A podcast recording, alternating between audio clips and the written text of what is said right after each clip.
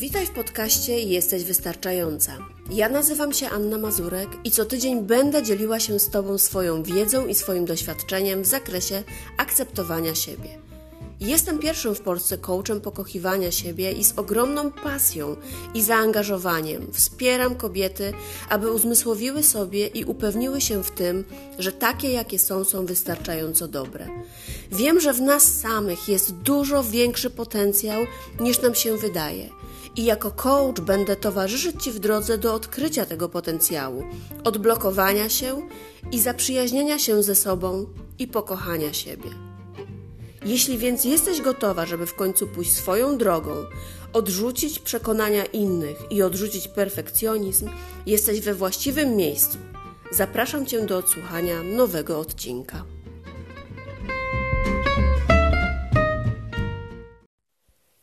Jak Twoje przekonania kształtują Twoje życie? Czy zastanawiałaś się kiedykolwiek, jak Twoje przekonania wpływają na Twoje życie? Cześć. Witam Cię serdecznie w kolejnym odcinku podcastu Jesteś Wystarczająca. Dzisiaj o przekonaniach, a w szczególności o tych, które tak bardzo potrafią ograniczać. Jeśli odsłuchałaś poprzedni odcinek podcastu o wewnętrznym krytyku, o tym głosie wewnętrznym, no to dzisiejszy odcinek jest trochę tak, by, tak jakby uzupełnieniem. Wewnętrzny krytyk i przekonania są bardzo ze sobą połączone. Nie byłoby Twojego wewnętrznego krytyka, gdyby nie Twoje przekonania. I wewnętrzny głos wynika właśnie z tego, jakie te przekonania masz. Czy kiedykolwiek zdarzyło Ci się, że no, na przykład chciałaś zrealizować jakiś plan, jakiś pomysł, chciałaś bardzo coś osiągnąć, chciałaś zrealizować jakiś cel, ale pojawiło się coś, co powstrzymało Cię przed podjęciem kroku właśnie w kierunku realizacji tego celu. I cokolwiek by to nie było, jakikolwiek to nie byłby powód, dla którego się zatrzymałaś, to najpewniej stało za tym jakieś Twoje przekonanie, a jeszcze pewniej ograniczające przekonanie. I dzisiaj właśnie o tych ograniczających przekonaniach. Dzisiaj o tym chciałabym powiedzieć, czym są te przekonania, jak wpływają na Ciebie, na Twoje decyzje, na Twoje życie no i przede wszystkim, jak mogą Cię wspierać przekonania, a nie stawać na drodze i blokować. Zacznijmy od tego, czym jest przekonanie. Przekonanie to, to są, przekonania to są takie nasze prawdy. To coś, co na pewnym etapie naszego życia uznaliśmy za prawdziwe i zaakceptowaliśmy jako, jako naszą prawdę. Prawdę o nas, prawdę o otaczającym nas świecie to jest taki pewien rodzaj filtra, przez który filtrujemy naszą rzeczywistość. Przekonanie to takie poczucie pewności na jakiś temat lub wiara w coś, co mm, przyjmujemy za prawdziwe. Bardzo często oczywiście nie uświadamiamy sobie występowania naszych przekonań. Funkcjonujemy z nimi, ale nie jesteśmy do końca ich świadome. Przyjmujemy je za prawdę, za fakt, za coś, co po prostu jest, za coś, co towarzyszy nam w życiu. Najczęściej do takiego momentu, kiedy zaczyna nas bardzo coś uwierać, kiedy czujemy, że coś nas bardzo blokuje, że nie możemy właśnie czegoś zrobić, że czujemy się ograniczane, ograniczone, a tak naprawdę czujemy, że coś nas ogranicza. Z przekonaniami jest tak, że część z nich oczywiście będzie nas wspierać. No ale są też takie, które wręcz odwrotnie. Więc jeśli wzrastałaś na przykład z przekonaniem, że urodziłaś się w czepku, no to na pewno to będzie Cię wspierać. To będzie przekonanie, które pomoże Ci wzrastać, bo wierzysz, że no po prostu masz w życiu szczęście. I takie przekonanie pozwoli myśleć Ci pozytywnie, no i będzie Cię wspierać. Natomiast te ograniczające przekonania, blokują przed działaniem. Stoimy przez nie w miejscu i na pewno takim ograniczającym przekonaniem może być na przykład, że jesteś niewystarczająco dobra, żeby na przykład podjąć się prowadzenia własnego biznesu albo zmiany pracy. Ale pamiętaj, że to tylko przekonania. rzeczywistość może być inna. I porównałabym to przekonanie do takiej soczewki, którą nakładamy na oczy, czyli do takiego widzenia naszej rzeczywistości, e, że to widzenie naszej rzeczywistości jest naszym jedynym sposobem interpretacji tej rzeczywistości. Patrzymy na taką rzeczywistość, jakby to była jedyna prawdziwa i że to jest jedyna prawdziwa interpretacja rzeczywistości przez wszystkich, czyli dla wszystkich jest tak samo. No ale oczywiście tak nie jest, bo przecież inna osoba, która ma swoje soczewki, czyli ma swoje przekonania yy, i te przekonania są inne niż nasze, widzi rzeczywistość inaczej. I też ta rzeczywistość, którą ona widzi, jest dla niej bardzo często jedyną prawdziwą. Nawet jeśli znajdzie się z pozoru w takiej samej sytuacji jak my i będzie miała inne soczewki, czyli inne przekonania, no to może oczywiście dokonać także innej interpretacji tej rzeczywistości. Czyli jeśli myślisz, że nie jesteś wystarczająca i wynika to z Twojego przekonania, blokuje Cię to na przykład przed zmianą pracy, to zapewniam Cię, że to tylko przekonanie. Gdyby teraz obok Ciebie stanęła inna osoba, z takim samym jak Ty wykształceniem, z takim samym jak Ty doświadczeniem, w takiej samej firmie, na takim samym stanowisku, w takich samych właśnie miejscach pracy, ale bez takiego przekonania, że jest niewystarczająca, to zapewne nie będzie w niej blokady przed zmianą tej pracy. Więc, tak jak już powiedziałam, przekonania są najczęściej nieświadome i kierują naszym życiem, dlatego że w nie wierzymy. Przekonania typu ludzie są źli, wszyscy kradną, na świecie nie ma sprawiedliwości. To są takie przekonania, które oczywiście są negatywne, oczywiście nie są wspierające i zapisały się głęboko w naszej podświadomości. To są przekonania, których no, sami sobie nie wymyśliliśmy. I na takie przekonania, e, za takim przekonaniem stoi nasza przeszłość. Odniosę się do tego teraz, jak powstają właśnie te przekonania i dlaczego to odniesienie do przeszłości, bo najczęściej i najmocniej zapisują się w nas przekonania do siódmego roku życia. Jako dzieci chłoniemy wszystko jak gąbka nie mając wytworzonej jakby swojej własnej świadomości. Nasz mózg po prostu do pewnego momentu przyjmuje i uczy się rzeczywistości taką, takiej, jaką widzi dookoła siebie.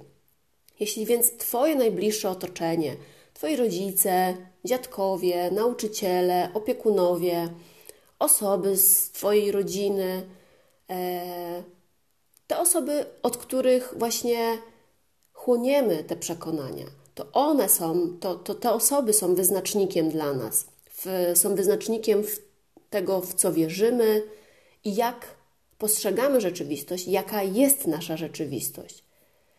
I właśnie to te osoby i ich zachowania tworzą w pewnym sensie naszą rzeczywistość. Jeśli w dzieciństwie na przykład mówiono ci, że ludzie są z natury dobrzy, wszystko jest możliwe i tak dalej, to masz w sobie zakodowany taki właśnie program, bo wierzysz w to. Natomiast jeśli dostałeś, dostałaś negatywne przekonania, które należały do Twoich bliskich, tak samo je przyjmiesz, tak jak te pozytywne, czyli jako pewien fakt, jako prawdę. Więc jeśli słyszałaś, pieniądze szczęścia nie dają, to zapewne właśnie w to wierzysz. I nie chodzi tutaj o to, żeby zrzucać odpowiedzialność i winę na naszych rodziców, e, opiekunów, dziadków e, i otaczającą nas, nas rzeczywistość e, w tym wczesnym okresie życia. Bo tak samo jak my przyjmujemy te przekonania, tak samo i oni skądś je przejęli. Więc tak naprawdę to jest przejmowane z pokolenia na, na, na pokolenie i nikt tego świadomie i oczywiście przede wszystkim nikt tego nie robi, żeby krzywdzić drugiego człowieka i e, w jakiś sposób e, zakłócać pojmowanie rzeczywistości w inny sposób. Po prostu to jest nieświadome. W każdym z nas są te wspierające i blokujące przekonania. To jest wszystko, co nasi bliscy nam przekazali w pewnym okresie naszego życia, bo to właśnie oni w tym okresie byli dla nas autorytetem, byli tymi, którym ufaliśmy, wierzyliśmy, więc no nie mieliśmy powodu, żeby zaprzeczać temu, co do nas mówią, co mówią też do siebie, o sobie i o świecie. I wzięliśmy to za swoje. Jako przykład przekonań, czyli tego, w co wierzymy i jak wpływa to na nasze życie, chciałabym podać Ci pewien eksperyment społeczny, który był wykonany na dzieciach wczesnoszkolnych. E, autorką eksperymentu była Jane Elliot, która przyszła do klasy takich 6-7-letnich dzieci i zakomunikowała im, że są pewne takie najnowsze badania, które mówią, że dzieci z niebieskimi oczami są bardziej inteligentne niż dzieci z innym kolorem oczu. No i co się stało? No i nagle okazało się, że w tej klasie wszystkie dzieci, które miały niebieski kolor oczu, zaczęły się zachowywać inaczej. Stały się bardziej pewne siebie, stały się bardziej aktywne, zaczęły robić wszystko, żeby rzeczywiście wykazać się większą inteligencją. E, ich poczucie własnej wartości bardzo też się zmieniło. I zachowywały się tak, jakby były w pewien sposób lepsze od tych, które nie mają niebieskich oczu. No i co było dalej? Po jakimś czasie, dokładnie po dwóch, trzech dniach, bo mniej więcej tyle czasu trwał ten eksperyment, e, Jane wróciła do tej klasy, e, bo właśnie dokładnie zauważyła, jak zmieniają się zachowania tych dzieci, co się dzieje z tymi dziećmi. Więc wróciła po dwóch dniach do klasy i mówi do tych dzieci: Słuchajcie, ja Was bardzo przepraszam, bo ja się pomyliłam. Najnowsze badania pokazują, że nie dzieci z niebieskimi oczami, a dzieci z brązowymi oczami to są te, które są bardziej inteligentne. No i co się zadziało? No analogicznie oczywiście. Nagle okazało się, że w tej samej klasie dzieci z brązowymi oczami zaczynały, zaczęły zachowywać się inaczej, stały się bardziej pewne siebie, stały się bardziej aktywne, e, zaczęły zachowywać się tak, jakby były lepsze. No i tak naprawdę o co chodzi w tym całym eksperymencie? Ten eksperyment oczywiście e, dotyczy przekonań, funkcjonowania tych przekonań. I nasze przyjęcie pewnych zdarzeń, pewnych informacji za coś oczywistego, czyli w tym przypadku tutaj nauczyciel mówi, e, więc uczeń w to wierzy, e, przyjmujemy za prawdę, za swoją prawdę. To właśnie pokazuje ten eksperyment. A jak tworzą się przekonania? Przekonania tworzą się w sposób pewnego łączenia, czyli jeśli czegoś doświadczamy, czyli następuje jakiś fakt, za tym faktem idzie pewna emocja, pewne emocje, a za emocjami idzie myśl, a później pojawia się interpretacja, czyli przekonanie. Jeśli to się powtarza i sprawdza, nasz mózg zapamiętuje to i takie przekonanie jest w nas, w naszej podświadomości i w nas zostaje. Czyli jeśli fakt połączymy z emocją, jaka temu towarzyszy, yy, i dodamy do tego myśl, to za tym pójdzie pewne przekonanie. Czyli na przykład, jeśli mamy fakt, jeśli już jesteśmy w szkole, to powiedzmy, że nauczyciel matematyki twierdzi, że dziewczynki są gorsze, słabsze z matematyki niż chłopcy. Jeśli za tym pójdzie emocja, najprawdopodobniej będzie to smutek, będzie to żal, będzie to poczucie niesprawiedliwości, może nawet złość i wstyd, to za taką emocją pojawi się pewna myśl. Czyli taka dziewczynka, która usłyszała od swojego nauczyciela, że jest gorsza z matematyki niż chłopcy, poczuła się skrzywdzona, poczuła złość, poczuła wstyd, smutek. I za tą emocją poszła myśl na przykład, że no nie chcę się tak czuć, więc nie będę uczyła się matematyki, bo i tak będę słabsza. Czyli interpretacja tego jest, że nie warto uczyć się matematyki, bo i tak będę słabsza, gorsza niż chłopcy. Jeśli to się powtarzało, jeśli to się powtarza i emocje były silne, to ugruntuje się właśnie poczucie takie, że będziesz gorsza od chłopców z matematyki. I właśnie wyznacznikiem naszych działań są nasze przekonania. to one najczęściej odpowiadają za to, czy osiągamy sukces. Sukces tutaj mam na myśli cokolwiek to dla każdego z Was znaczy sukces. Po prostu działamy. Albo nie. Mogą nas wspierać, albo blokować, albo ograniczać. I oczywiście to wszystko zaczyna się w naszej głowie, w zależności od tego, co myślimy i czujemy, i to wpływa na nasze działanie. Więc jeśli odczuwasz wspierające emocje, takie jak radość, spełnienie, szczęście, mm, harmonia, spokój, to jest bardzo duże prawdopodobieństwo, że będziesz działać. Że to są emocje, które będą skłaniać cię do działania. Natomiast jeśli odczuwasz trudne emocje, takie jak złość, strach, mm, frustracja, wstyd, no to najprawdopodobniej nie podejmiesz się jakiegoś działania, a jeśli nawet to z trudem. I z reguły dzieje się tak dlatego, że mózg w pewien sposób chce cię chronić, bo jeśli odczuwasz trudne emocje, to no najczęściej my nie chcemy odczuwać trudnych emocji. Więc jeśli czujesz wstyd, to twój mózg powstrzyma cię przed tym działaniem, bo nie będzie chciał, żebyś kolejny raz tego wstydu e, doświadczyła. Więc tak to działa. I dla przykładu jeszcze przywołam tutaj e, na przykład rozmowę kwalifikacyjną. Załóżmy, że są dwie osoby. Mają takie same wykształcenie, mają takie same doświadczenie, są tej samej płci. Jedyne, mm, co różni te osoby, to właśnie przekonania na swój temat i na temat e, rzeczywistości. No i biorą udział e, w rekrutacji, ubiegają się o stanowisko, o którym obie E, marzą. I okazuje się, że żadna z tych osób nie dostaje tej pracy. No i co się dzieje? Co powie osoba z takimi negatywnymi przekonaniami, a co powie ta, która ich nie ma? No, ta, która ma przekonania negatywne, która ma takie ograniczające przekonania, najprawdopodobniej powie: No tak. W ogóle to niepotrzebnie za, zawracałam sobie głowę tym ogłoszeniem, w ogóle to niepotrzebnie brałam udział. No przecież wiedziałam, że i tak nie dostanę tej pracy, znowu mi nie wyszło, do niczego się nie nadaje. W ogóle szkoda była mojego czasu na to wszystko. A co powie ta osoba, która nie ma negatywnych przekonań na swój temat? No tak, no tym razem mi nie wyszło. Być może był tutaj ktoś, kto miał y, lepsze doświadczenie, albo kto miał większą wiedzę w jakimś temacie. Więc no, co mogę zrobić? No, może warto zadzwonić do rekrutera i zapytać, na którym, e, w którym momencie rzeczywiście wypadłam słabiej, żeby móc to dopracować, żebym mogła wzrastać i żebym mogła stawić się na następnej rozmowie jeszcze lepiej przygotowana. Więc to jest właśnie ta różnica jeśli ma się negatywne przekonania albo się ich nie ma.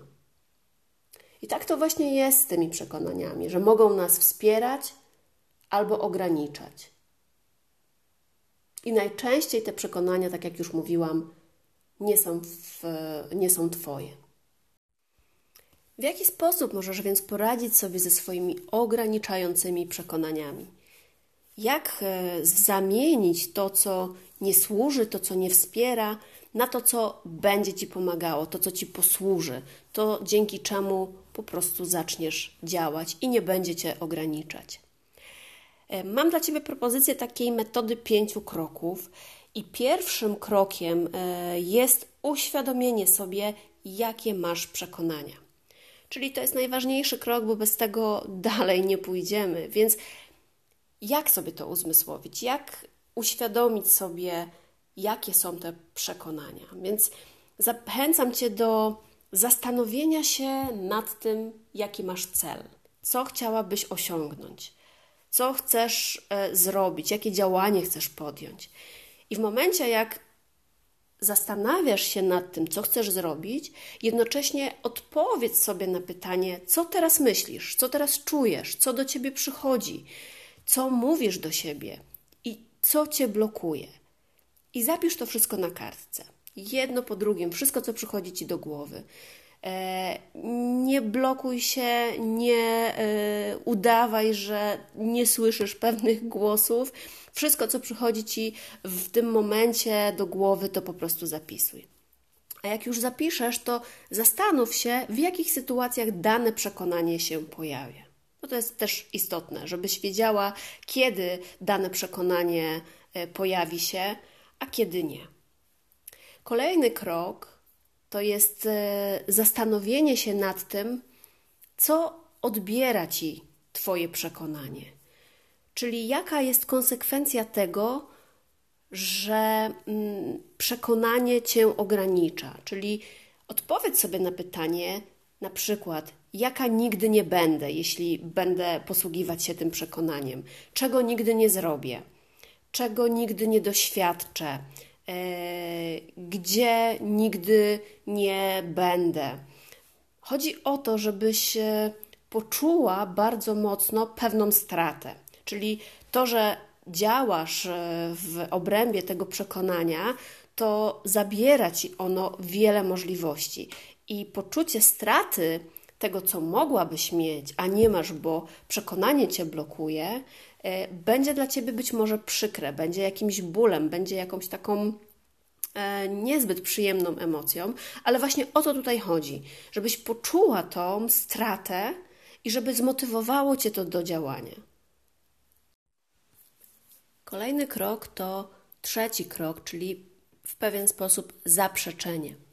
Tutaj chciałabym, żebyś wróciła do kroku pierwszego i przyjrzała się swojej liście przekonań, którą stworzyłaś. I przy każdym przekonaniu, które napisałaś, dopisz, że to nieprawda. Albo przekreśl. Chodzi o to, że sama sobie masz wytłumaczyć, masz sama siebie przekonać do tego, że dlaczego to przekonanie jest nieprawdziwe.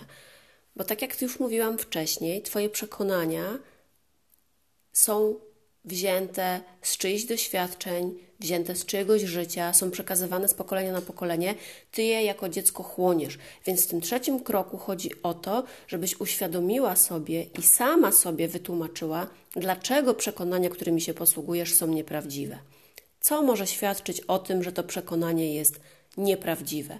Więc przyjrzyj się im i napisz nieprawda i wytłumacz sobie, dlaczego one są nieprawdziwe. Kolejny, czwarty krok to zmiana przekonań.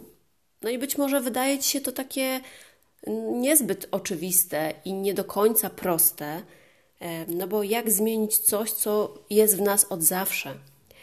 Ale jeśli przeszłaś pierwszy, najważniejszy krok, czyli uświadomiłaś sobie występowanie tego, przeszłaś kolejny krok, czyli zastanowiłaś się, z jakiego powodu nie służą ci przekonania, co tracisz przez te przekonania. W kolejnym kroku udowodniłaś sobie sama, że część, być może nawet wszystkie przekonania nie są Twoje i są nieprawdziwe, no to naturalną konsekwencją tego będzie zamiana tych przekonań. No niestety nasz mózg funkcjonuje tak, że nie możemy ich po prostu wyrzucić, bo nasz mózg potrzebuje czegoś, żeby nam podsuwać w różnych sytuacjach, więc nie możemy zostawić pustej przestrzeni. Więc jeśli masz przekonanie, które cię nie wspiera, które nie jest twoje, na przykład e, wszyscy kradną e, i to tworzy w tobie poczucie niesprawiedliwości, e, to wyobraź sobie, na co można byłoby takie przekonanie zamienić. Czyli, że okej, okay, nie wszyscy kradną i ci, którzy mają pieniądze, yy, zarabiają więcej niż ja, być może wynika to z ich pracy, być może wynika to z ich innej drogi. I może przekonaniem, które byłoby dla ciebie wspierające, byłoby każdy e, idzie swoją ścieżką, czy każdy idzie swoją drogą do sukcesu.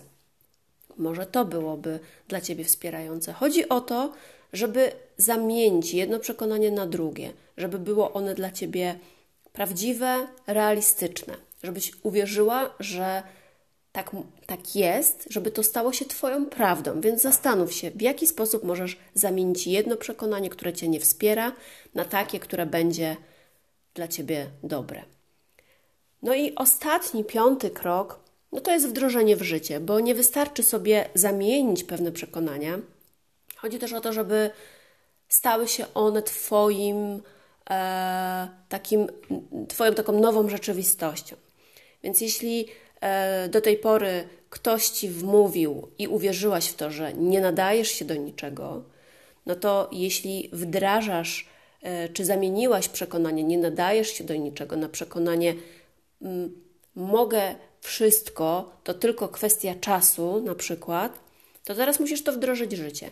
A najprościej, najłatwiej wdrożyć w życie to w taki sposób, że Twój mózg się tego nauczy na pamięć. Twój mózg jest plastyczny, wszystko, czego się nauczy, będzie automatycznie wykorzystywał. Jest na tyle leniwy, że nie będzie szukał e, nowych rozwiązań, po prostu to, co przyjmie za prawdziwe, będzie Ci podsuwał właśnie w adekwatnym do tego momencie. Więc jeśli masz nowe przekonanie, wdróż je w życie, wdroż je w życie. I na przykład mogą to być afirmacje, które będziesz sobie powtarzać, jak mantrę.